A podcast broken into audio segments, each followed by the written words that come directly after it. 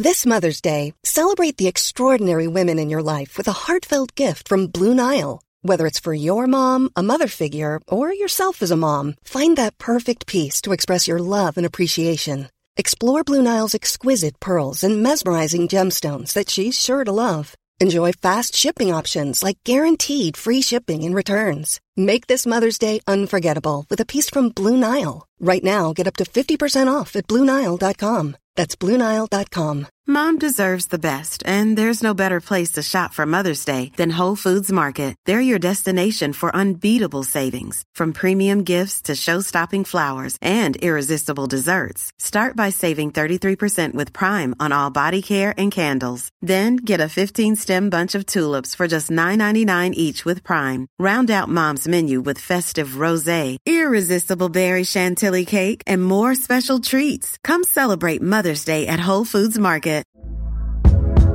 Hey there, it's Michelle Norris. I'm host of a podcast called Your Mama's Kitchen. When I travel, I'm usually looking for a way to find a taste of home when I'm not at home. And one of the things I love to do when I am at home is entertain. And Airbnb allows me to do that. When I was in California recently, I rented a house that had a great kitchen. And when we were sitting around the table, we were all thinking, we're in someone else's house. Someone could be in all of our homes as well.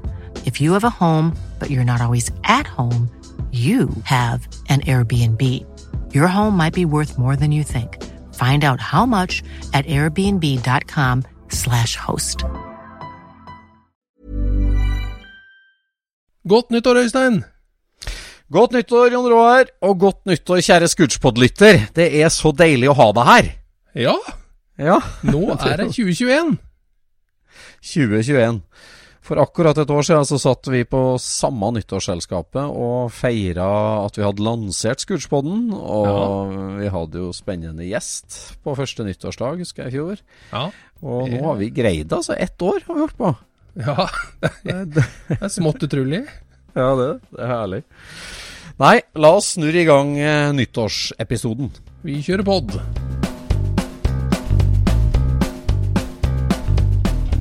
Du lytter nå til Scootspodden, en norsk podkast om klassisk bil med Jon Roar og Øystein.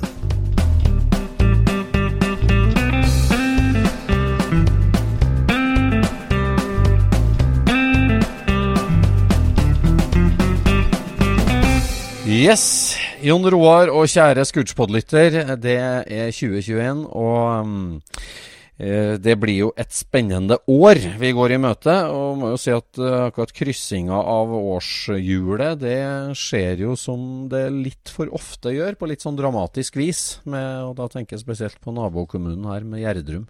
Ja. Guri malla. ja. Det Det er jo- en gufne ting. Gufne ting. Eh, Vi kjenner jo flere bilfolk òg, vi som bor i området der. Heldigvis så alle dem jeg har snakka med i, i, i godt behold. Men eh, det er dramatiske ting, altså. Ja. Da føles mennesket lite, liksom, når, når bakken kan bare reise av gårde og ta med deg alt du eier, liksom. Det er, ja, det er syke greier. Jeg tenker, er, du ute på en ekstremsport eller en ekspedisjon eller skitur i fjellet eller et eller annet sånt, men altså du ligger og sover i din egen seng. Ja. Det, og det er jo det som er så absurd, altså. ja, det er det. Det er det.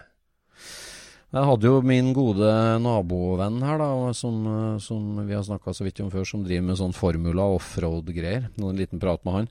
Om det at uh, han har jo en superlett liten bil med kjempestor motor og er helt vill, og han har jo noen enorme hjul han bruker på han. Og så Ja. har han jo enda større hjul som han bruker for å kjøre på vannet med. Ikke sant? Han uh, kjører jo på vannet, men klart at da er det jo farten som holder. Da. Men begynte jeg å tenke på eh, Bare fått på noe skikkelig ballonghjul på en sånn en, og så bare kjørte inn på den der gyttja som den Ja. geléklumpen. Det finnes jo en sånn liten sak som heter Sherpa, vet du. Som Ja. er liksom fire enorme ballonghjul, og så en Ja. liten eh, brødboks oppå. Eh, som er som en liten van. Den går jo både på vann og myr og alt mulig, vet du. Den hadde jo vært russiske. helt glimrende. Ja, Ja, stemmer. sånn en. En sånn måtte ha vært helt glimrende. Jeg så de Bare- kom inn med luftputebåt. Og det Jeg ser jo for meg at det også er litt vanskelig å bruke i den sammenhengen der, men har ikke så veldig mye erfaring med luftputebåt, det skal jeg innrømme. Nei, den pisker vel opp et slags lufttrykk mot bakken. Vet- Ja, den flyter Den har jo et skjørt ikke sant, som, ligger, eh, som skal ligge ned igjen. Men jo Ja. mer ujevn den bakken er, jo vanskeligere er det å holde på puta. Nei, det der er Det hadde jo vært herlig om, eh, om eh, Ja, det, det blir jo ingeniøren igjen som eh, dukker fram når det er snakk om sånne utfordringer, for det er jammen meg utfordring. Altså, en svær geléklump. Ja. Ja. Ja, vi kommer jo til bunns med julemysteriet òg. Ja, vi gjorde jo det. Det er jo veldig artig. eh, Vi har fått veldig mye feedback og meldinger og interessante tilbakespill. Det var tydelig at karrierehistorien er engasjert, engasjerte, og det syns jeg var veldig artig. Ja. Ja, det var artig, det. Og så er det så veldig spredt hvem det er som liker det. Ja, det er det. Eh, Det er jo flere helt utafor Porsche og folkemiljøet som har kommet med innspill og syntes det var spennende. Jeg, måtte jo le av, vår svenske venn som eh, sendte meg melding jeg tror det var halv ni på lørdagsmorgenen. 'Nyss hørt toan, gi meg trean nu!' Så- Men, ja, Nei, det var veldig artig, for det der engasjerer. Og det er jo Altså, det, det, det- altså det der historiedimensjonen med bilhobbyen er jo det, er jo det er jo veldig mye av det som vi Som alle liker å høre. Altså den Mm. En ting er rustsveising og hestekreft og alt det, men historien til det der, det er veldig viktig. Men det er derfor at eh, den 917 som vant på Le Mans, er mer verdt enn den som brøyt. ja, for å si det sånn. akkurat derfor. Historien er bedre. Historien er bedre, det er det altså. Og vi har fått flere, flere artige innspill. Det ene innspillet kom jo fra Skotterud Kongsvinger, da, sønnen til Terje Ovlien. Ja. Eh, og vi, vi, vi jo, prøvde å unngå å snakke for mye navn når vi snakka om historien, for det er jo mange involvert, og vi har ikke avklart med, med alle sammen at vi kan, kan nevne offentlig. Det, så, så derfor så måtte vi bare omtale X og Y og han fra Gjøvik og han fra der. Men, eh, men det er veldig artig når både arvinger og dem sjøl kontakter oss for å si at eh, vi har mer å tilføye historien, og, og snakk gjerne og åpent på alt. Så det er veldig artig. Ja, så En som tok kontakt med oss da, det var jo Lars Ovlien, sønnen til Terje Ovlien. Eh, og Terje Ovlien han omtalte vi som tannlegen fra Kongsvinger, som da eh, kjøpte bilen av Gunnar Bratli. Altså Nå snakker vi om den RJ 1500 rødramme aluminiumsracerbilen. Ja. Etter Gunnar Bratli hadde gjort rent bord hele 60 og 61, så mm. solgte han den altså til Terje Ovlien som på Skotterud ved Kongsvinger, og han kjørte den i, i sesongen 62-63. Og han var tannlege. Nei, han var ikke det, vet du. Eh, Jeg vet ikke egentlig hvorfor eh, jeg har ført den opp som tannlege, hvor det ryktet kommer fra. Men Terje, Terje Ovlien, eh, sønnen da tok eh, kontakt og sa kjempeartig julemysterium og sånn. Og eh, han du omtaler som tannlegen, det må jo være min far, Terje Olien. Han var langt ifra noe tannlege, men han var altså, han skrev Eh, ha- han var både isbjørnjeger, skjørtejeger, bensinstasjoneier og eventyrer. Men han var ikke tannlege. Så, Nei. så, så det var jo veldig artig. Vi fikk noen bilder og fikk mye mer farge da på, på han Terje Ovlien, som, som egentlig var en, ja, en eventyrer. Han var sjømann, han reiste jorda rundt. Han var på Svalbard og skøyt isbjørn og var en uh, ganske rufsete kar. Og, og det sier hans sønn òg. så, um, så det der at han dro på seg en sånn rødrammebil for å villmannskjøre, det var mer eventyrlyst, mer enn både motorsport og, og motorinteresse, egentlig. Så det var veldig artig. Veldig artig å få enda mer eh, ja, fotoalbumbilder og sånt. eh, Men ikke noe mer av bilder av bilen. Men eh, der har jeg jo et, et nydelig bilde av, av Terje Olien på isen på Elverum. Ja, Det er jo et bra eksempel, det. At når, når det går fra å være tannlege til å være isbjørnjeger, så blir jo Ja. historien bedre. Ja, det blir jo det, vet du. Og det her gjelder jo mange sikkert av dem ja, som vi ikke har prata med i detalj. Så det var veldig artig. Ikke til Så- forkleinelse for tannlegene, altså. Nei, nei, nei, nei, ikke et vondt ord om tannlegene. Um, men um, det her med mysteriet da, og føljetong for Scootspoden, det har vi vel fått smaken på både oss og lytterne. Vet vi det, Ja. Jon? Ja. Så vi får planlegge påskenøtter. Ja, kanskje vi skal prøve på noen påskenøtter, ja. Hmm. Ja, kanskje det må være sånn at folk skal sende inn et forslag til noe slags svar eller noe sånt. Det må jo være enda artigere. Et forslag til svar? Hva mener du med det? Nei, ja, nei så, at det, at det Så skal vi finne mysterium. spørsmålet? Nei, men at, at vi legger opp til et slags mysterium som lytterne skal være med på å løse, da. Og så og så- ja, à la altså, i NRK. Da, tenker jeg at det skal, Ja, sånn ja. Ja, ja, ja. At det er første bokstaven i ja, noe sånt, da. yrket, som enten da er tannlege eller isbjørnjeger. Altså. Ja, ja, så blir det C-A-R-R-E-R-A til slutt. Ja. Nei, vi kan ikke ha karriere som svar i alle oppgaver, altså. Det går ikke. Det der er vi lei av for lenge siden. Ja, ja. Ja, nei da. Det er nytt år og nye muligheter. Nytt år og nye muligheter. og Vi har jo fått en del patrons òg siden sist. Ja, det kommer eh, smått om senn. Um, han første på Patreon-lista vår, det er jo Morten Mæland. Morten Mæland, ja. Kongsvingers eh, Morty. Mm, Kongsvingers eh, en, av, en av Kongsvingers store sønner, skal vi si. Han har vært med, han har vært med lenge, altså. Ja. Jeg husker han og um, Thomas Mårud eh, var på folkeungtreff på Humbug med pinstripa eh, 70-modell eller noe sånt noe. Ja. Husker jeg. Det, det, da skiller du deg ut når du kommer med pinstripa bil rundt Ja. år 2000. Ja, det gjør det. Ja, jeg husker jo Morten kom på SSC, og det var noen år etterpå, i en sånn ganske kult senka 70-talls Masta. Altså, han kom jo ikke inn, men han kom jo, det var en av liksom de første sånn jøss. Gammel japsebil kan jo være kult, det òg, tenkte jeg. Ja, ja, ja, ja. Der var han eh, tidlig ute. Følge med. Følge med. Ja, absolutt. Nestemann, da. Arnstein Hellem. Oi! ja, nå kan ikke ta så mye sitat, men Arnstein han er jo en gammel helt, ja, og, og trønder eh, han, han er ansiktet for trønderhumøret, han. Alltid blid. Ja, Alltid blid. husker jeg. Han har jo den Bjorli-gia nå. Ja. Strap on. Den har jo diverse sponsorer som ikke kan nevnes på lufta. Jeg sa det. Ja. Nei, det, den eh, ja, Arnstein han er både en hjelpsom kar og en dyktig kar. Men uh, har i hvert fall humoren i behold, ja, det er bra sikkert. Ja, absolutt, absolutt. Så det er jo Ja. artig. Det er artig. Nestemann på lista er jo en, eh, en mann jeg har sett i hele mitt liv, men eh, som jeg ikke kjenner. Oi. Din Det far? er en- Nei, jo. Nei, Det er en som heter Richard Jacobsen. Jaha, ukjent for meg. Rick Art har han jo eh, ofte kalt seg. Ja. Og han, Ja. eh, han har bygd sånne trendsetter, eh, sånne, hva heter det, minitrucks og sånt noe. Ja vel. Så han er fra Larvik, Telemarksområdet og har bygd masse sånne ja, custom-bygg. Eller sånn, sånn veldig sånn i tiden, da. Ja, Japsebiler eller amerikanske, eller hva er det? Jeg lurer på ikke han har bygd begge deler, men det har Ja. vært eh, Jeg husker et par japser, i hvert fall. Ja, tøft. Så uh, flink og kreativ eh, fyr som, som er henger på på podden. Veldig hyggelig da at det ikke ja, noen utafor menigheten. ja, så bra.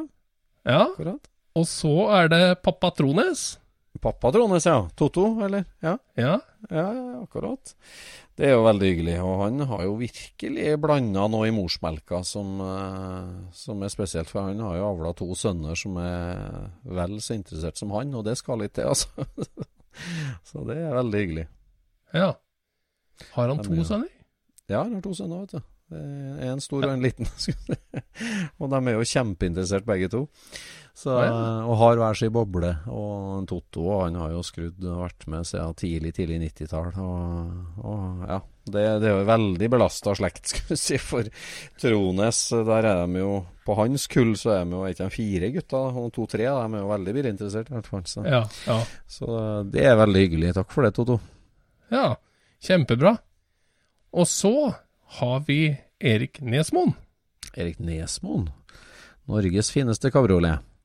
Ja, Og en veldig En veldig ordentlig kar. Det der er en ordentlig kar. En, eh, og, og så Og latteren sitter løst. Ja, Det er en artig fyr. artig fyr. Og ivrig syklist. Ja. Han har eh, sykla til Paris, vet du, som ville ha sagt Ja. nå. Ja, det har han gjort. Paris. Nei, Nesmoen, jeg husker en av første tysklandsturene når han oppdaga at jeg hadde kjørt hele tysklandsturen uten fungerende piler på bilen. Han var helt i sjokk. han lar ingenting være overlatt til tilfeldighetene, og det er jammen meg flotte biler han har altså i samlinga. Det er helt sikkert. Absolutt, absolutt. Ja, det var, ja. det var eh, dagens Batman. bunke med patrons. Patrons. Og hvis det er flere som har lyst til å gå inn og, og støtte oss på patrion.com, så er det bare å eh, hive seg på. Ja. Det minner jeg på. Jeg satt og kjørte litt i jula her hit og dit og hørte på litt forskjellig, og da driver jeg jo Nå har jeg jo utvida veldig. Jeg hører jo på en del podkaster om gamle hus, og jeg hører litt om eh, kjernekraft som jeg er interessert i, så nå har jeg liksom Jeg har blitt litt sånn pro-bruker av, eh, av podkast nå, føler jeg. Ja. Men jeg hører jo stadig innom eh, det her Let's Talk Dubs. Mm. Og eh, han Bill T i Las Vegas, som jeg så vidt Jeg kjente han jo ikke, men jeg, jeg hang litt med de gutta der når jeg, bo, jeg bodde i Las Vegas, jeg, vet du. Det har vi jo snakka om Mhm. før på poden. Og det der der var jeg jo litt borti da. Eh, De drev jo med liksom Jeg var jo en nerdete termosfyr da, egentlig, men eh, de var litt annen typen. Men uh, Let's Talk Dubs-podden har vi jo snakka om før. Den er jo utrolig kul. og han har jo kjempeartige gjester, men det er jo så ræva lyd at du blir jo bare provosert. Ja. ja. Men han Et evig tilbakevendende tema. Ja, det er jo det. Men han er jo Når amerikanerne Når noen poker en amerikaner på at det finnes en verden utenfor Amerika, så blir de jo stadig overraska, dem. Eh, bare Ja, sorry. ja, ja, Eh, Anybody out there? Ja. Så jeg måtte jo le på den episoden jeg hørte her nå. Da, så hadde han jo Da hadde han fått ei Instagram-melding fra en nordmann. Sånn We even got listeners in Norway! How crazy is that? Og det var sånn eh, So this shout-out goes out to eh, Og da var det Leif Raskurupatrunkærer! Sånn bare What? så, og det var Leif Skøttebatterittenskøtter i Norge, da. Han klarte jo ikke å si etternavnet i hele tatt, så jeg aner ikke hvilken Leif det er snakk om. Men eh, det var Leif, eller Liff, eller Leif. Ja, det var veldig rart. Så, så han eh, har lyttere fra Norge, og da er han fornøyd med. Så um, Leif, hvis du er out there, så får du lære han hvordan du skal uttale navnet. Artig. Så Ja, det var noen dager. Ja. Ja ja. Nei, vi ruller videre. Men du, apropos Las Vegas. Eh, på internett i dag så oppdaga jeg en eh, fyr i folkehåndmiljø. Nei, faktisk i hotrod-miljø. Ja. Og det er han eh, som eide den bilen som inspirerte farven på bussen min. Oi, ok. Eh, den grønne? Grønn og Den grønne, ja. Den grønne bussen. For den eh, var jo i et vevetrends, vet du. Den bilen. Åh, aha. Så tenkte jeg, for jeg sleit jo så fælt med å finne ut hvilken farge det skulle være, liksom. Og jeg hadde jo veldig lyst til at han skulle se på en måte amerikansk ut. Ja. Og dette her er jo Det var jo 97, dette her, liksom, så det var jo Ja. Men da hadde jeg et vevetrends fra 96, og der var det en hotellansatt i Las Vegas som hadde laga en buss da, som var ganske tøff. Ja, ja. Så tenkte jeg at den fargen har jeg lyst på. Ja, var han tofar tofarga den òg, eller var han Ja, ensfarga? ja, ja, den, I prinsippet så er den helt lik som bussen min. Ja, akkurat. Jeg skjønner. Ja. Veldig kreativ der, da. Ja. Jeg er veldig, veldig kreativ. Ja. Så det, nei, det har jeg alltid slitt med å velge farge. Jeg har alltid tatt den fargen som er på bilen originalt. Men den her var jo militærgrønn, så det gikk jo ikke. Nei, det gikk ikke. Så, mm, så jeg ringte jo til Las Vegas og skulle snakke med han fyren på det hotellet. Nei, tuller du? Gjorde du? nei, jeg gjorde det. For å få koden, liksom? Ja ja, For for å få den lik. Nei. Ja, traff du den, da? This is Nei. room service? Nei. Nei, nei, jeg traff den aldri. Nei. Men, eh, men eh, så kikka jeg gjennom farvekartet, så fant jeg da en, eh, en Volkswagen-farge. Som jeg syns var ganske lik, og så blei det Ja, det, det la, meg gjette, la meg gjette 1975-modell Polo. Den har den grønnfargen her, ikke sant? Eller eh, Audi 50 eller Audi 80 eller noe sånt. Det er ikke en sånn farge? Nei, det er en Volkswagen-farve, men, men eh, den heter Aerogryn, heter den. Aha, aha. Uh, Den men så var det en farge sånn som var veldig det var, det var en farve rett ved sida som var veldig, veldig lik, og den het Hippiegryn. Oi, Ok. Så den ble det ikke. Ja. Så, så, Ja, ja. så det Så- Fant du igjen det VV-trendsbladet på dagens rydding, eller? Nei, det var ikke det. Yes, jeg gjorde det òg, vet du. Og det var jo det som var eh, Og så ser jeg han fyren på internett rett etterpå, for da var det noen som hadde lagt ut den reportasjen. Nei. Jo. Det var mye tilfeldigheter på samme dagen. Ja, den var, eh, det var rimelig heftig, det der. Og da, Ja. da var jo han tagga, han derre duden. Og han Jaha. jobba, bodde fortsatt i Las Vegas, og så ut som han jobba på hotell. Såpass. Ja, da må du prøve å ringe ham igjen. så skal jeg ringe, det, vet du. Ja, det må du gjøre. Det passer fint noen på tidsforskjellen. Ja, ja. Nei, det var bare litt artig. Nei, jeg driver og rydder i verkstedet. Altså det er sånn mellom prosjekt, da, når du liksom rydder ut et prosjekt. Og eh, det, det er så trivelig, syns jeg, å rydde verksted. Tørke hvert Når benken er full av verktøy og vinkelsliper støvet ligger tjukt, kan du si, og kjøre støvsugeren litt på hylla og forskjellig. Og så og så tørke hver det eneste fastnøkkel og pipe, og tørke over med en eh, fille og få det på plass i verktøytavla og sånn sånn, og koste gulvet og rydde bort eh, leftovers, deler hit og dit, og liksom helt clean sheet of paper. En sånn ettermiddag jeg har hatt nå, det er så trivelig, altså. å Er det derfor det alltid ser så strøkent ut hos deg? ja, takker for den. Takker for den.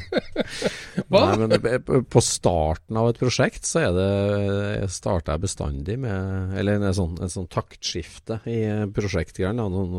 Et chassis skal ut og et karosseri skal inn. Men det er veldig deilig akkurat det der. Altså, Det er deilig, Komme Kom, i orden, liksom. Ja, det er det. Han, eh, min gode venn Geir Nattvik da, på Verdalen, som jeg har skrudd mye sammen med, og som han har gjort kjempejobb på mange prosjekt for meg. Han, han sier jo det, han òg, at liksom ryddinga er halve moroa. Ryddinga er halve moroa. Ja, det er han- første gang jeg hører det, altså. Han liker veldig godt å rydde i verksted. Og, og liksom, ja, få ting på plass og få det i orden og sånn. Men det er jo sånn når du står djupt nedi med vinkelsliperen, og det er hammer og gassbrenner og alt rundt deg, og det er så fælt. Og så liksom da gå ut at i kveld så skal jeg bare tørke opp og rydde opp. Det er deilig, det. Så Men er det sånn at du har bare de tinga du får plass til, eller har du mer enn det du egentlig får plass til i verkstedet? Nei, jeg har jo Det jeg kjemper mot hele tida, det er at, at verkstedet ikke skal være lagerplass. Det, det, det, det tar jeg stadig vekk. Nei, de mot, to motorene her og den forstillinga der, det har ikke jeg rørt. Ja, det ligger og skal inn på et prosjekt, liksom, men jeg har ikke rørt det på to år. Det må ut. Jeg må aldri lagre på aktiv arbeidsplass. Å ja. Så jeg driver stadig og tømmer verkstedet for uh, ting som bare ligger der, da, liksom. Det- Nei, jeg synder jo veldig der, da. Oh, ja. Altså, jeg har jo, har jo veldig mye mer maskiner enn jeg har gulv... Ikke, ikke gulvplass til, men Nei. ordentlig gulvplass til. Jaha. De krever altså, egentlig har, mer jeg har plass. jo aldri Jeg har jo egentlig aldri prioritert låven.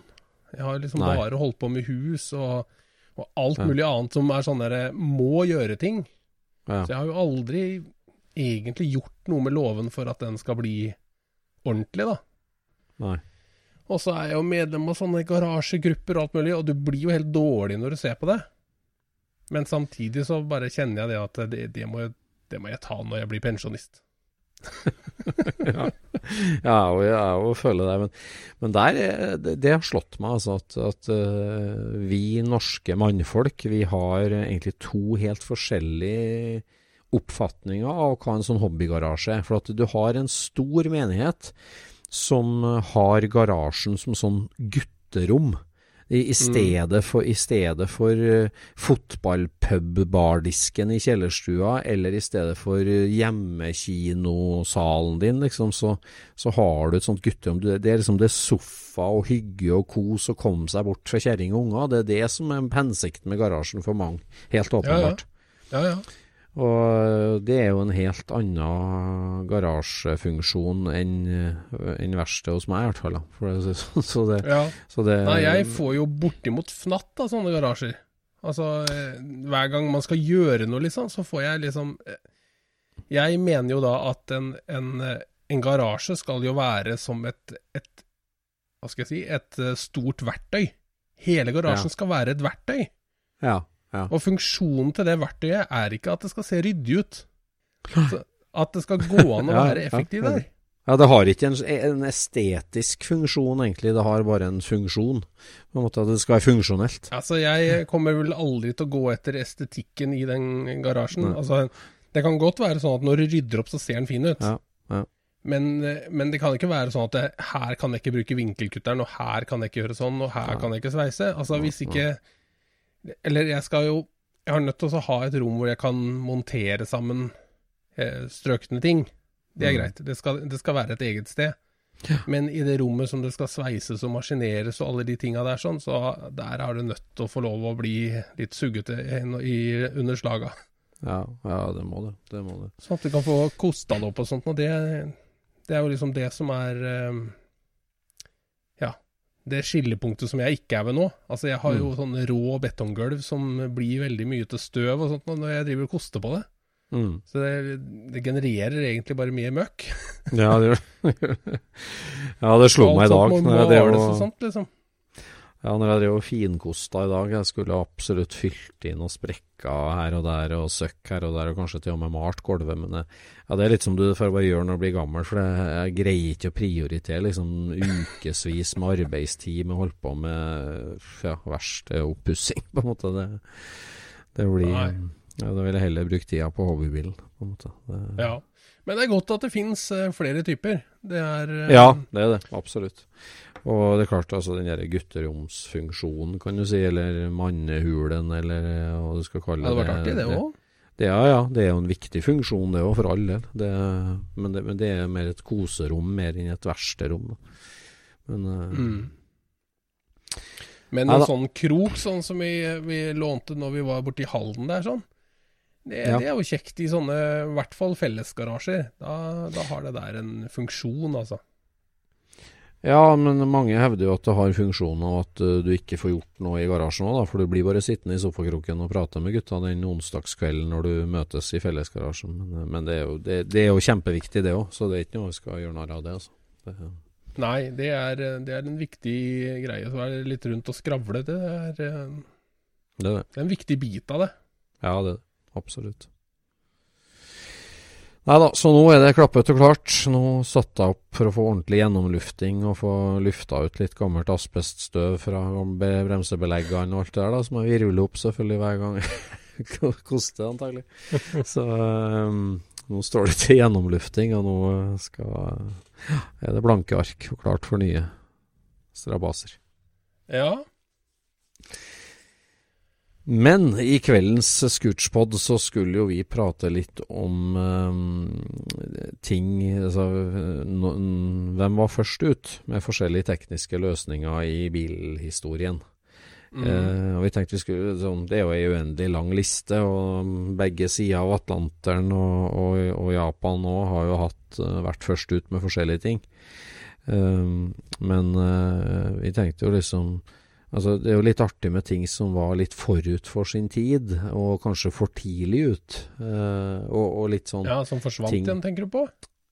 Ja, jeg tenker på litt som forsvant, ja, en ting, men også liksom ting sånn mm, Ja, hvorfor ble det sånn? Hvorfor ble det ikke en suksess?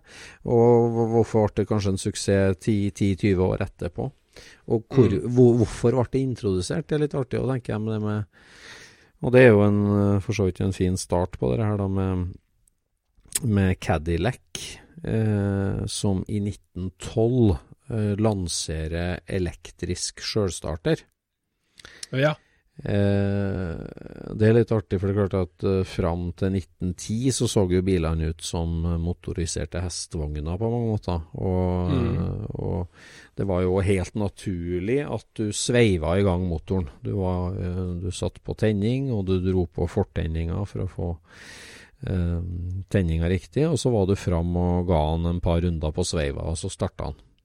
ja. Eh, og så skjer jo Cadillac det at eh, dama er ofte med å handle bil. Og dama, damer er et marked òg for bil. Hvis damer kan bruke bilen og ønske seg bil, så, så for, for, å, for å kunne markedsføre seg overfor damer, så finner de på elektrisk selvstarter. For det er Ja, for damer på den tida der kjørte jo elbil.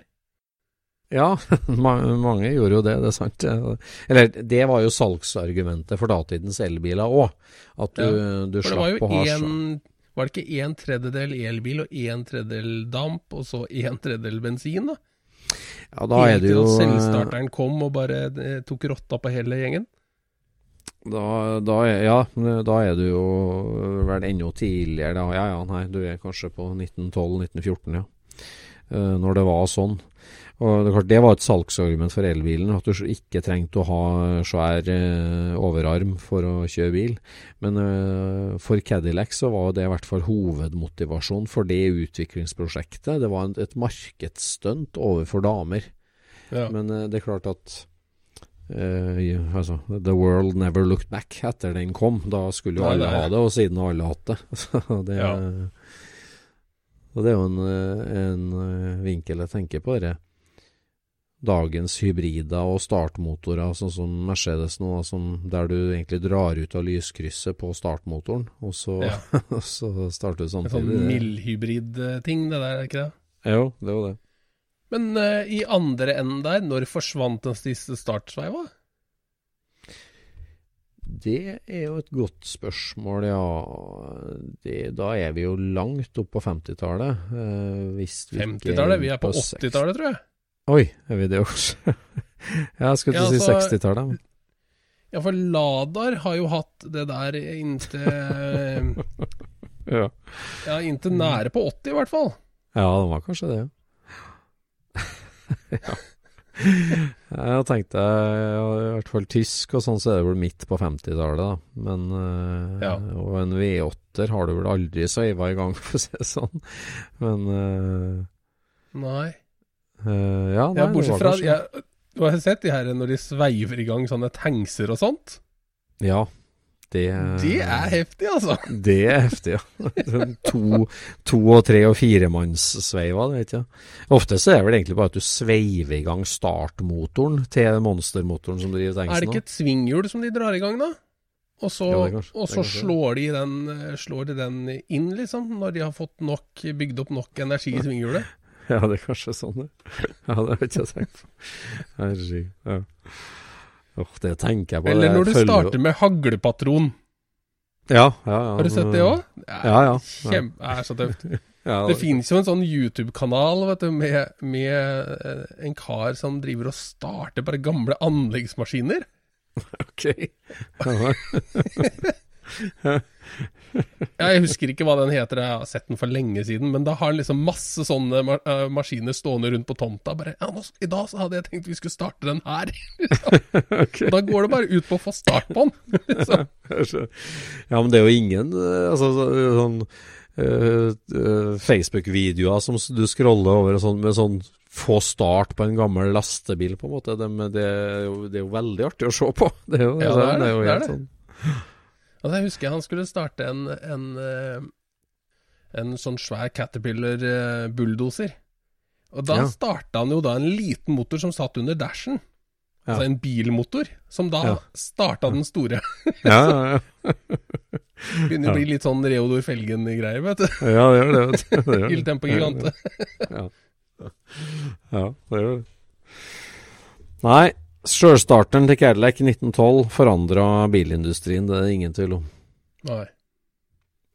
En, en annen ting som er først ute, og der, er- det, det er jo veldig artig i disse tider, for det at uh, nå eh, er det jo en av Norges en, en veldig, veldig sjelden veteranbil som er opp for salg i Norge. En 1922-modell, eller kanskje er det en 26, en Lancia Lambda. Ja, den er jo artig. Den er artig. Og den er supersjelden på verdensbasis, og, og er jo en veldig lekker bil i seg sjøl. Lavt bygd. Lavt bygd. Og det er jo nettopp fordi at Lancia var først ut med monokokk-sjassi. Altså, ja, det er jo helt vilt. Det er helt vilt, det. I Altså, for at når du, ser, når du ser den bilen, det er jo en åpen firedørsbil. Ja, ja. Har du fått med deg den? Du hefter Ja, ja, ja. med sånt, du gjør ja, det? lands, ja. masse. Det, Ja, det går ikke. Spesielt førkrigs. Ja, ja. Eller Nei, altså, når, det er, når det er monocoque, så er det jo litt kult, da. Ja, det er kjempekult. Men jeg bare, jeg bare Det som jeg hadde likt å sett, er eh, tunnelen. For den har nødt til å ha en tunnel eller et eller annet, eh, en bæring midt i bilen, ser jeg for meg. Mm. Ja. For den har liksom Den ser jo i karosseriet, så ser den jo egentlig ut som en Ja, nesten som en T-Ford. Eh, bare at du kan ikke se noe ramme på den.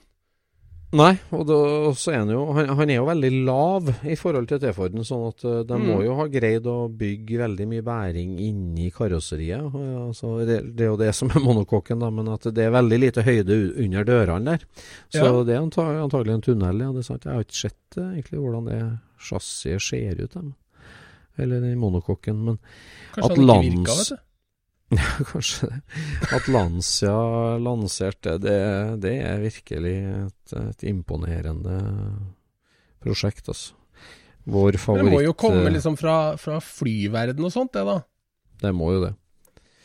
Eh, det, det leder jo tankene over til vår favorittmonokokk, skal vi si, med, med birdcagen i Mercedes 300 SL. Eh, så Ja.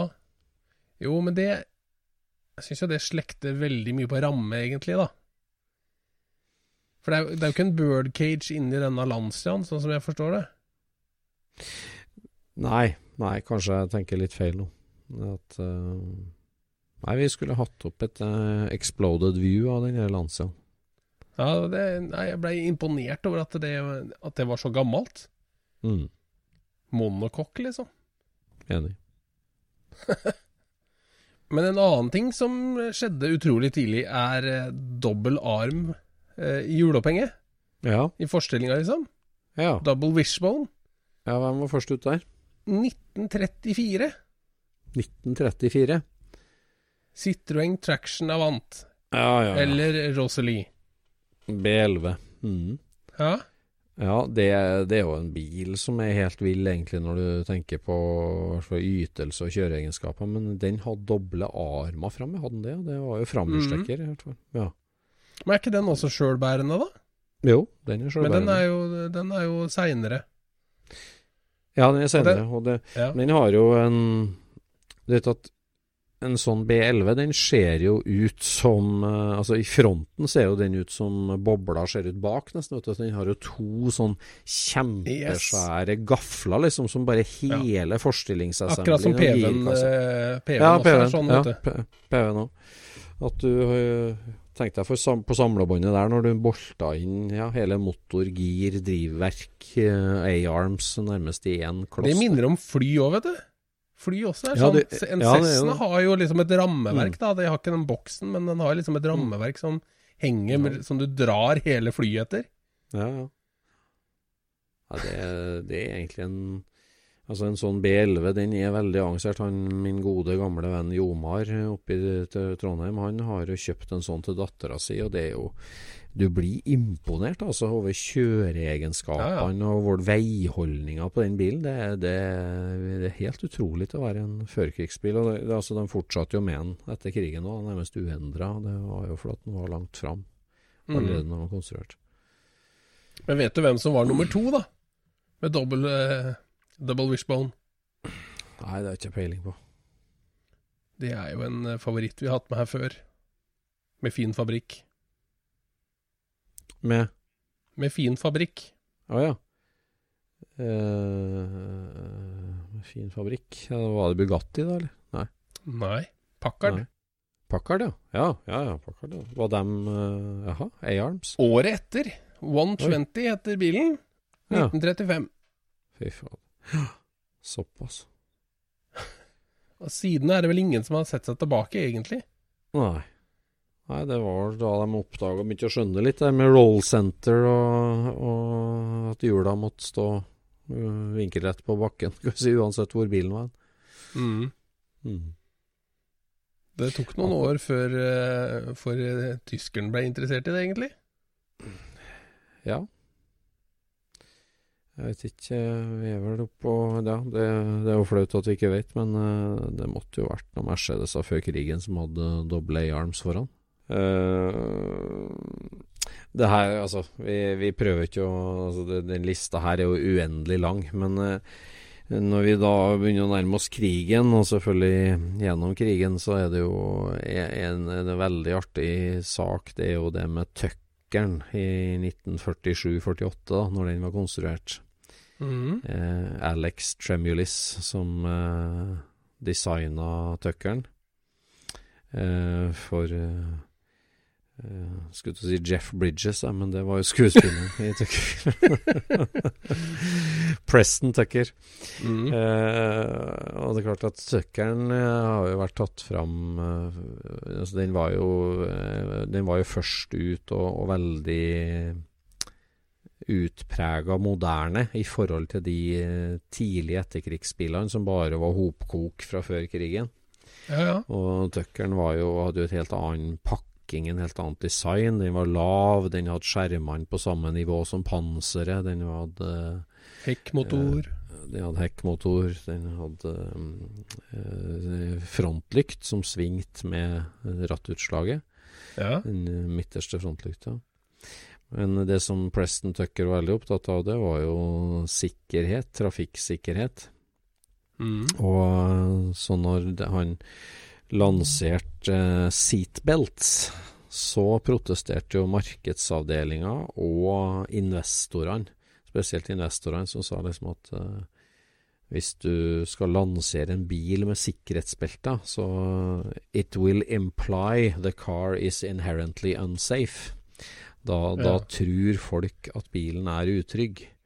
Ja. Det, og derfor ble det ikke noe det ikke noe sikkerhetsbelter på Tuckeren. Men det han da gjorde, var at han fjerna dashbordet på passasjersida. ja. Så, så rattstammen går jo inn i bare en sånn liten kloss, nærmest som en barn door, for å si det sånn. Så er det et Ja, ja. Plass, og da forsterka han jo det, og det ble jo et lite, lite tilfluktsrom. Så at ved et ulykke så skulle du kaste deg nedi den der cella foran beina til passasjeren. og legge deg ned på gulvet der, og det var en sånn safety feature som Tuckeren lanserte. Oi, Så det er heftig. og, ja, det er heftig. Og det, det, men jeg bare tenker på det. Altså, du var investor og protestert mot seatbelts fordi at folk tror du vil ikke kjøpe Tucker, for da Oi, må du ha sikkerhetsbelter i den? Ja, da kjøper jeg en svær Cadillac i stedet, for det er mye bedre å krasje med. Ja. Det er scary. ja, det er scary. Det minner meg på en, en liten greie der du sier om tuckeren der. Har du, Mhm. har du noen gang sett i bakruta på sånne der 80- og 90-talls Audier, så står det Pro Con 10? Pro Con 10? Nei, det har jeg ikke sett. Nei, det er et sånt uh, vaiersystem som uh, sitter et hakk bak på girkassa, og så Aha. går vaieren opp via noen sånne trinser ved sida av motoren. Og når du krasjer, så motoren blir skyvet ned under gulvet, så drar den inn rattet, Aha. og så strammer den opp uh, setebeltene. Å ja, ja, ja. Mm. Det gikk i hvert fall gjennom et hakk på girkassa, som skulle gjøre at han dro Yes. ned, liksom, så at han ikke kom inn i kupeen. Ja, Der han ligger yes. på passasjerbunnen liksom, og venter. Så går den rettstilte motoren ned så- under gulvet isteden. Istedenfor å komme inn, ja, ja, nei, liksom. men Tucker hadde jo den Tucker hadde jo helikoptermotoren helt bag i bagasjerommet, Ja, ja. så det var ikke noen motor som kom og trykte på Det det. var vel bare reservehjul framme der, kanskje. Ja, det var vel det, antagelig.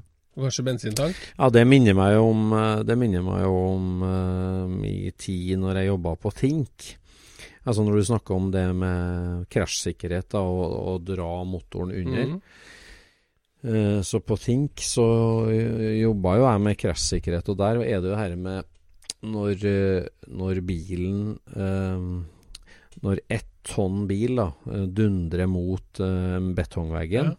så har jo den bilen en viss mengde energi, en halv MV andre. Og all den energien må du da bli kvitt. Mm. Og det blir du kvitt ved å bøye stål og jern og det her. Mm. Det vet jo du godt, Mhm. Jon Roar. Og derfor så har de jo det her med støtabsorberende soner da, i dag, med støtfangere og med aluminiumssandwich som det krever veldig mye energi å klemme flat og ødelegge, og da blir du kvitt veldig mye energi. Så dess mer energi du greier å bli kvitt ved å krølle stål før du begynner å krølle kupé, det er jo veldig smart. Eh, og på Think da så hadde vi jo den ideen om at vi skulle lage en eh, lokal støtabsorberende sone foran batteriet på den. At det- er 300 kilo batteri i Ja. Og i stedet for at de 300 kiloene skal deformere et eller annet i fronten, Ja. så kunne de bare krasje inni batterikassa Å, ja, si og sånn, klemme flat en aluminiumssvamp. For at da, det, da, da blir jo bilen i teorien 300 kilo lettere i forhold til den energien du skal bli kvitt i fronten. Da. Mhm. Ok. Uh, så, så, altså, at du, at du blir kvitt mye energi med Ja, en sånn kvitt, lokal du blir kvitt eh, energien til de 300 kilo, ja. Ja. ja, ja, bevegelsesenergien til, den, eh, til, de, til de 300 kiloene blir du kvitt ved at den, den moser da en aluminiumsskum-sandwich inni batterikassa. Eh, at det der tar du opp veldig mye energi. da.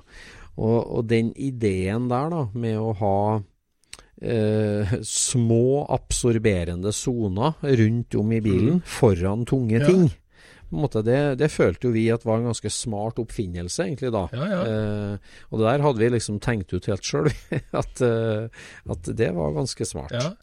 Det var jo min, min mentor eh, og gode venn eh, David Brown som var hovedarkitekten bak de tenk, den tenkinga der, da. Ja. men da satte vi i gang en, eh, en patentsøk på det, for vi tenkte vi skulle prøve å patentere det der. Mm der. Men der hadde også Mercedes tatt ut en patent i 1957 på akkurat det samme. Da. Eh, da var det bensintanken spesielt, da, og eh, ja, og bakakslingen. At de hadde festa inn det på en måte, sånn at det skulle flytte på seg. For det er klart at når du dundrer i veggen med en bil og har masse, altså mye masse bak i bilen som dytter på, Mhm. så det da å ta opp den energien lokalt, da kan vi si var en idé de hadde. Ja, så de deformerer eh, bakakselfestene, da, liksom, og så bruker du energi Ja, på det, ja, liksom? det, ja, ja. Men Det gjorde de det noen gang, eller tok de bare patent på det? Nei, jeg, jeg tror ikke de gjorde det. Men vi, for oss så var det litt sånn at hvis vi nå skal kaste masse penger på å utvikle det konseptet, da, Mhm. så må vi kunne patentere det og prøve å tjene litt penger på konseptet òg. Ja. Var tanken liksom at øh, Men det var jo ikke patenterbart, for det var jo det var en utgått patent, så vi kunne godt gjøre det. Men, men vi har ikke greid å patentere ja, så dere gjorde det ikke heller? Nei, vi gjorde ikke. For at øh, vi, vi, for det første altså, gikk det jo ikke an å patentere det. Og for det andre så, så er det ganske mye jobb altså, å utvikle et sånt system som er robust i alle settings. For det må jo Ja, være noe men det, det var ikke det jeg mente. Det må Jeg mente, gjorde dere det på bilen? Mm, Det var det jeg svarte på. Jeg sa nei, vi gjorde Å, ikke det. Fordi at øh, det, det var for Det var Nei, det var frekt sagt. Det hørtes ut som. Det hørtes ut som du svarte på hvorfor dere ikke fortsatte med å lage systemet for patent.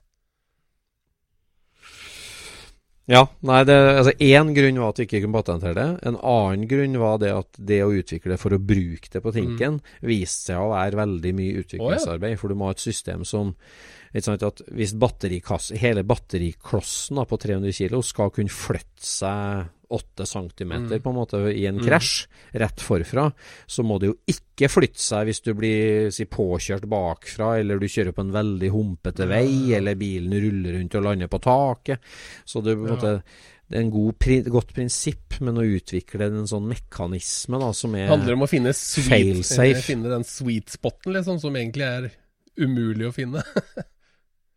Ja, ja. Det, nei, det ble så vi Men der jobba vi jo mye med motorfester som, eh, som brekk med vilje, da, og ei skliplate som tvinger hele motoren og girboksen ned under bilen. da.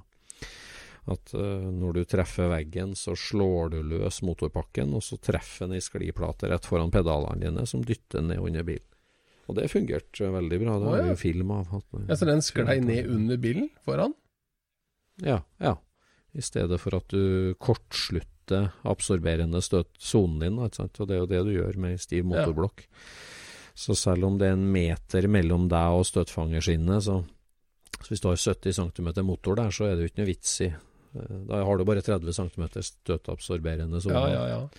Så, så for å holde bilen kort, da, så måtte jo vi bruke hele, hele den lengden fra støtfangerskinnet og inn til torpedoveggen, nesten. Vi måtte, måtte greie å absorbere energi hele veien der. Men eh, når man absorberer energi, dette her vet sikkert du svaret på, at når du, når du altså deformerer stål, så blir jo det både deformert, og så blir det jo varmt.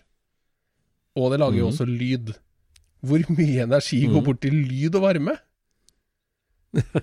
Kan man liksom få det til å smelle mye mer, og så går det mindre energi inn i bilen? ja, nei, det vet ikke jeg om jeg har noe forholdstall på, men sånn magefølelsen vil vel si at er 99 eh, mekanisk eh, deformasjon Ja. og 1% varme. Ja. Eh, sånn, for det eh, Og hvis du tenkte at du skulle utnytta den varmen til noe, så tror ikke jeg det er sånn. Nei, Nei, det var ikke snakk om det, egentlig. Jeg bare tenkte på liksom. Fins det liksom en støtabserende sone som rett og slett er å varme noe, liksom? ja. ja, ja det, det er jo en interessant tanke, for så vidt. Nå er du jo litt inne på det med Ja, nei da. Det, det, nå, nå begynte jeg å tenke på det Jeg har akkurat lest om eh, sånn solprosjekt i Afrika der du skal varme opp en svær stein på dagen, da, og så lagre energien i en oppvarma stein, som du kan ta ut til matlaging utover oh, ja. natta når sola ikke skinner. ja, ja. Ja, ja. Så det er mange måter å ta, fange energien på. ja. Nei, det er mange små, geniale løsninger. Det er jo det. Det er jo det. Der uh, disse her markedsavdelinga til uh, Tucker feiga ut, så, så var det jo flere andre bilmerker som gikk for sånne lapbelts etter hvert. Ja, når begynte det å komme, da? Det måtte jo være tidlig 50-tallet, da. Ja, det, det Saab begynte jo med dette her sånn, i hvert fall. Og det var jo at Ja. Saab begynte med sånne lapbelts som gjorde at uh, Volvo fant opp trepunkten. Ja, det var Volvo som fant opp det. Det er jo, heftig, det. det er jo virkelig en Ja, det er jo virkelig en eh, Ja, det er industry standard. Ja, sånn. absolutt. Og så er det liksom Det er Ja. jo en eh, Føles jo som et naturlig steg videre, og den er jo helt genial, liksom. Det er ikke masse leamikk og det, masse greier, liksom. Det er Selvfølgelig skal vi ha det sånn. helt Ja, helt genial. Og den delte ja, er liksom jo de ut, er- vet du, den patenten der sånn. Den, eh, den delte de bare ut for at det var liksom til det beste for bi verdens eh, bilførere, ikke sant? Og det der var i Sven Sverige, 58 eller De har sagt 59? Var det på PV-en, da? Eller ja, Amazon, kanskje? Ja, nå spør du bra, da. Det vet jo ikke jeg. Ja. Eh, Men det er jo, det er jo Ja. en av de to. Nei, Amazonen er vel Nei, Amazon, ja. Amazonen kan det jo være, ja. Ja, kanskje en kom, kom med Amazon. Det som er liksom å tenke på av og til med det, og sånn og så tenker jeg Hvis du ligger på ei eh, hengekøye, da, så er det av og til liksom litt sånn vanskelig å balansere i ei hengekøye. Mm. Og, og det at det at eh, det at det ene tversoverbeltet, da, at liksom at, at det ikke at det, at det ikke er naturlig for noen folk å på en måte bare stupe over det, eller rulle over det, eller at det liksom det treffer deg for høyt opp. At det liksom det er så, Mhm. det er så lett at det treffer på et slags midtpunkt av overkroppen. Det, har jeg liksom stussa over av og til. Jeg skjønner Ja, ikke. men det er, vel en del som, som kommer over de òg. Det var vel derfor at de begynte også å lage justerbar innfestning mot uh, B-stolpen. For det kom Jo da, jo det etter hvert. kanskje, men uh... At du kunne stille den etter Ja, høyden på personen, liksom. Ja, ja, ja, ja. Jo da, det kom jo, det er sant. Det, det, det er vel som følge av det, kanskje. Mm. Og så hadde jo den derre ikke-rullbare varianten òg, sånn som eh, Lloyds laga. Ja. ja. Med den der, med den der krumma innfestinga i midten, sånn som det er Ja. på noen bobler og sånt nå, hvor du kan omtrent slå i hjel folk. Ja. Forresten, Ja. det er jo ikke trepunkt Ja. det er jo topunkt, bare at med et høyt ytre feste. Det er det det er. Ja, det er det er ikke noe over Ja. fanget der. Det, det er ikke noe Nei. der. Nei. Og ikke noe give i hele tatt. Du sitter der du sitter. Jeg husker så Jeg er jo født uh, i en Ikke født i en, men jeg ble jo henta på sykehuset i en uh, 70-modell Austin Mini Clubman. Mm. En Clubman den var jo hadde litt lengre front enn den vanlige Mini 1000-versjonen. da Hadde vel 1200 motorer antagelig. Foreldra mine kjøpte en sånn som sin første bil. Eh, jeg husker når jeg fikk lillebroren min da, i 1976, så hadde vi jo den bilen som bruksbil. Og da da ble det jo så slitsomt å ha to guttunger som krabba rundt og løp rundt i bilen under tur, så da fikk vi jo sånn det er jo ikke sikkerhetsbelter, men det var en sånn svart sele som vi liksom kledde på, sånn klatresele nærmest, som vi dro på oss uh, inn i gangen før vi skulle dra. Okay. Og så var det to, to sånn reimer rundt bakseteryggen, som liksom uh, mora mi Som var bare, bare sånn slakk, egentlig, de reimene. Så de reimene var jo sånn spenne på. Som hun drog gjennom den klatreselen og klikka sammen. Så da, da, var det sånn liksom at det var ikke for at du ikke skulle Det var ikke for at vi skulle sitte fast hvis de krasja. Det var liksom sånn at vi ikke kunne klatre over framseteren og, og sette oss foran pedalene mens vi kjørte, liksom. Det var, det, det var et sånt system for å bare holde ungene i ro. Det var ikke et system for å holde dem Ja, det, var, det, det husker jeg, altså. Ja, det er imponerende. Den bilen har jeg, har jeg ennå, faktisk. Har du det? Ja. Ja, ja. Jeg, jeg, faren min og mora mi tok jo vare på den, og den har jeg fått da som en suvenir. Det minner meg om den første mekkeren jeg så i mitt liv. Naboen. Oh, ja. Vi flytta inn en Aha. ny nabo vet du, når jeg var bare guttungen. Og han ja. drev og skrudde på bilen sin, og det syns jeg var veldig rart, for faren min hadde alltid ny bil. Men han skrudde på bila, vet du. Og han hadde to, to sånne ja, vinrøde eh, minier. Og den ene shabbyere enn den andre, vet du. Og så sto han da og så skrudde på dette her sånn, og så hvis han liksom ikke fikk det i orden, så flytta han bare skiltet over til den andre, så kjørte de den andre dagen etter.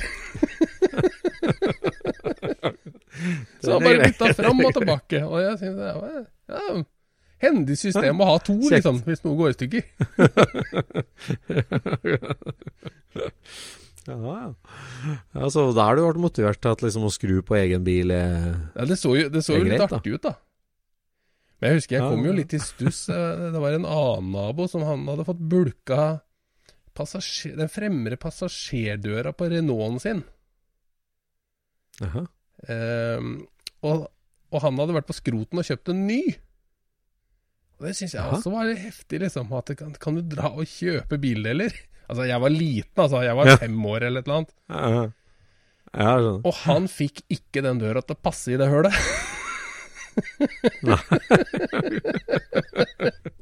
den var blå, da, eller noe sånt. En helt annen farge enn bilen? Eller? Ja, ja, døra var feil farge. Var, bilen var eh, brun, og døra var gul. Men den, ja, den passa ikke. Og siden da så har jeg, ikke, det. Siden da så har jeg vært litt sånn skeptisk til franske biler. med rette. Det var vel antageligvis at den bilen var litt mer bulka enn han trodde, da. Tenker jeg. ja, kanskje. Ja. ja. din første bil, da, det har vi snakka om. Det var, det var 03, det. Ja, det var det. 1303. Jeg, jeg fikk jo en bil til dåpen. Når jeg ble døpt, så fikk jeg en 1928 modell A-Ford av faren ja. min. Den har jeg fortsatt. og Det var jo liksom min første bil. Men den første bilen som jeg brukte og kjørte med, det var en Fiat 127 Stella Super. Mm. Som eh, jeg delvis overtok etter min gamle tante gammeltanta mi. Uh, det ble liksom første uh, ungdomsbilen min. Uh, det var jo en plastikkbehengt Fint design, egentlig. Da, eller fint design, det er en sånn doorstop-design. Men jeg var jo så lang, vet du, det, og det, jeg tok jo opp i taket på den, så det er jo litt sånn legendarisk blant kameratgjengen at jeg sleit jo høl i taktrekket med, ho med hodet på bilen. så den Det var sånn veldig polstra seter i den bilen, husker jeg, så du satt så høyt, liksom, så jeg satt og gnei bakhodet oppi taktrekket. Ja. Uh, tider. Jeg husker eh, eh, svigermor hadde Fiat Regatta. Ja, akkurat. Og den eh, den hadde H-giring, men hele H-en var vridd 45 grader. Ja, akkurat. Så førstegiret var der som eh, tredjegiret burde ha vært. Og så var andregiret på samme plass som det burde ha vært. Jaha, ok, jeg skjønner. Så, Og det var den veien du ja, skrå ja, var altså, så du dytta spaken Ja, du fra dytta deg? den bort mot Ja. passasjeren fram. Ja, Så, ja. Og det er tydeligvis et sånt fenomen som skjer. De da, når de blir eh, slitne i noen foringer, så blir, så blir den der H-giringa liksom veldig kursiv. Ja. Jeg skjønner. Jeg husker naboen kjøpte seg splitter ny Toyota Tercel. Eller Terkel, sier jo noen, men Tercel, sa vi. Ja. Jeg vet ikke hva den heter. Er det ikke en Tercel, da? sånn liten stasjon Ja. sånn. Tercel. Firehjulstrekker, er det ikke det? Ja, det var det, vet du. Det var en litt sånn eh, artig pakke av en bil der. der sånn, jeg husker den var veldig sånn nyskapende nærmest da den kom, i, i sånn fasongen karosseriet hadde. Mm. da. Eh, og da husker jeg vi sto og så på den, og faren min kom ut, og faren min sa å ja, det er en asymmetrisk bil, det her. Ja, ja, ja. Og det ordet hadde jeg aldri hørt før. På en måte asymmetrisk, men, og, og i hvert fall ikke i bilbruk. Det var et helt nytt ord for meg. Jeg vet ikke, kanskje jeg var ti år da. Men den bilen hadde jo det. Bakruta var ja, asymmetrisk, Ja, og skiltlys og sånn satt skjevt, og det var en asymmetrisk bil. det var veldig uvant i Rudolf Reiders vei i 1980. Ja. Jeg husker det var ei, ei, ei lærerinne på skolen. Hun hadde en Toyota som het Liftback. Det sto bak på den Liftback, og det var en sånn fastback-type bil med med stor glassbakrute, liksom. Og den gangen så trodde jo vi at, det, at denne bilen kunne heises og senkes bak. Ja. Men, men uh, antageligvis så var det bare navnet på modellen. Jeg tror jeg har kikka på det seinere, at det er bare navnet på de. Og hvis det ikke er det, så klipper vi bort dette her. ja. Liftback. Ja, ja. Han er et liftback.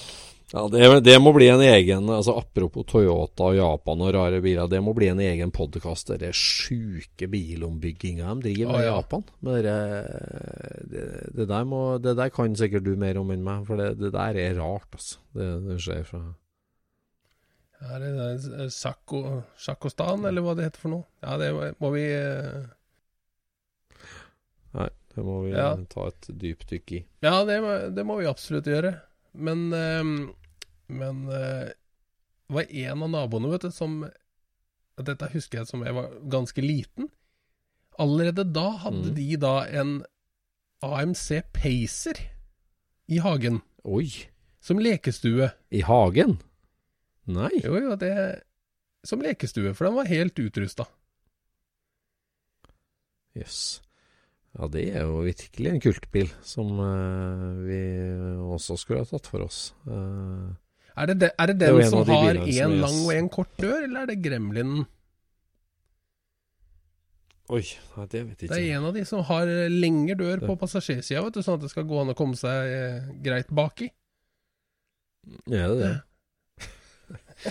ja, det er jo en, virkelig en kultbil. Jeg har aldri helt fått sansen for det, men eh, Nei, jeg husker det var faren til en, eh, en kompis. Han eh, De flytta fra, fra Norge og bort til Statene. eh, skulle bo der borte noen år. Og så Ja. eh, Og så var han faren Han var litt sånn oppgitt over at det var så vanskelig å få tak i en bil som gikk billig der borte. Og så kom disse reklamene at, på 70-tallet, ikke sant, at nå skulle de begynne å produsere eh, ja, den Paceren, tror jeg det er. Eller om Ja. det er Gremlin, det er ikke sikkert. Ja. En av de, i hvert fall. Og dette skulle jo bli en, en, liksom en amerikansk bil på europeisk vis, ikke sant, som gikk billig og var liten og nett og alt det der. Han eh, så jo da for seg en, ja, en Golf i sitt indre øye, ikke sant? Og når den da til slutt kommer, så er den så er det jo V8-motor i den og langt panser, og den er jo ja. Halvstørrelse er den jo kanskje, men den er jo akkurat like brei. ja. Ja, jeg vet. Veldig rar pakking. Ja, den er litt uh... de, Men de er jo artige å se på. Når, Ja, og når de kjører drag race med de, det syns jeg er ekstra gøy. Ja, det er jo en kar på Fettsund som jeg kjører forbi stadig. Kan gjøre hagen full av sånne. Så han burde jo kanskje dratt og besøkt. Han er, han er en såkalt pacecar. Ja, han er en trivelig beiskar, faktisk. Ja. ja. Det er ikke noe, det er ikke noe vedom der i gården. Hva du mener peiskar, du nå? Ja, det var det, vet. Nei, men eh, dagens episode går mot slutten, og vi må eh, igjen minne om det vi har begynt å si i hver eneste pod, at eh, tips en venn om Scootspodden. Du har helt sikkert bilinteresserte venner, og eh, vi vil gjerne at eh, flere blir utsatt for Scootspoden. Uh, og det tenkte jeg på, når det var at uh, vi snakka om dere altså, Mange som jeg møter som snakker om at um, uh, skurs, eller scooch Eller hvordan, si, hvordan sier du det, liksom? At det er jo litt sånn rart Ja. ord. At vi kanskje sånn for hver 40. episode eller sånn må gjenta historien om hva scooching er for noe. Og hva, hva å scooche betyr, og hvorfor det er så veldig viktig for en bilentusiast å skjønne konseptet scooching. Og, og derfor at uh, Norges eneste bilhobbypod heter Scootspodden. Ja. Hvorfor det er så naturlig? ja. Hvorfor det er så naturlig? Ja, Det kan, har vi jo lurt litt på, hvor lurt det egentlig var. Ja, vi har det, vet du. Så derfor tror jeg vi må liksom gjenta litt det konseptet om eh, Det var jo bare en arbeidstittel som ble en, en, en tittel. Ja.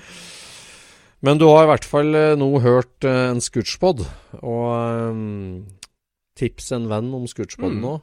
Og så send oss uh, innspill om eh, folk vi bør snakke med, eller tema vi skal ta opp Mm. uh, i Scootspoden. Nei, jeg syns det var så artig når han Arild Dyrkorn var med på den podkasten til eh, Wolfgang Wie. Da hadde jo Wolfgang Wie gjort eh, undersøkelser i for, eh, forkant ved å høre på en Scootspod-episode eller to. Ja. Og han sa eh, Og hvis du er virkelig interessert i bil, så burde du høre på den, den Scootspoden. Ja. ja, vi er lykkelige nerder. Det er ikke Det er ingen tvil om, nei. Ja, så får du gjøre som Wolfgang vil, da, høre en par Scootspod-episoder og tips. Tips en venn. That's all, folks, for tonight. Vi snakkes. Ha det bra. Scootspodden produseres av SSC Media, med god hjelp av VV Norge og Trond Dahl for hosting, Knut Micaelsen for musikk. Abonner på Scootspod via podcaster eller Acast, og følg Scootspod på Instagram og se det vi snakker om. Der kan du også komme med kommentarer og innspill, og fortelle oss hva du vil høre om.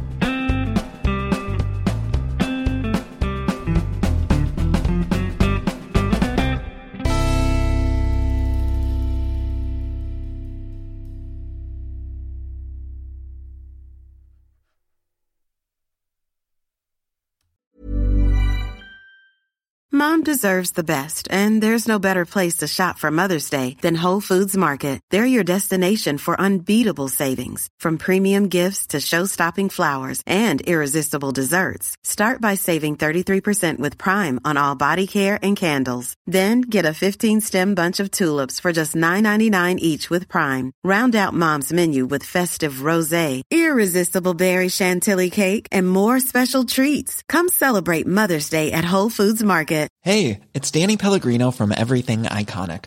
Ready to upgrade your style game without blowing your budget? Check out Quince. They've got all the good stuff shirts and polos, activewear, and fine leather goods, all at 50 to 80% less than other high end brands. And the best part? They're all about safe, ethical, and responsible manufacturing. Get that luxury vibe without the luxury price tag. Hit up quince.com slash upgrade for free shipping and 365 day returns on your next order. That's quince.com slash upgrade.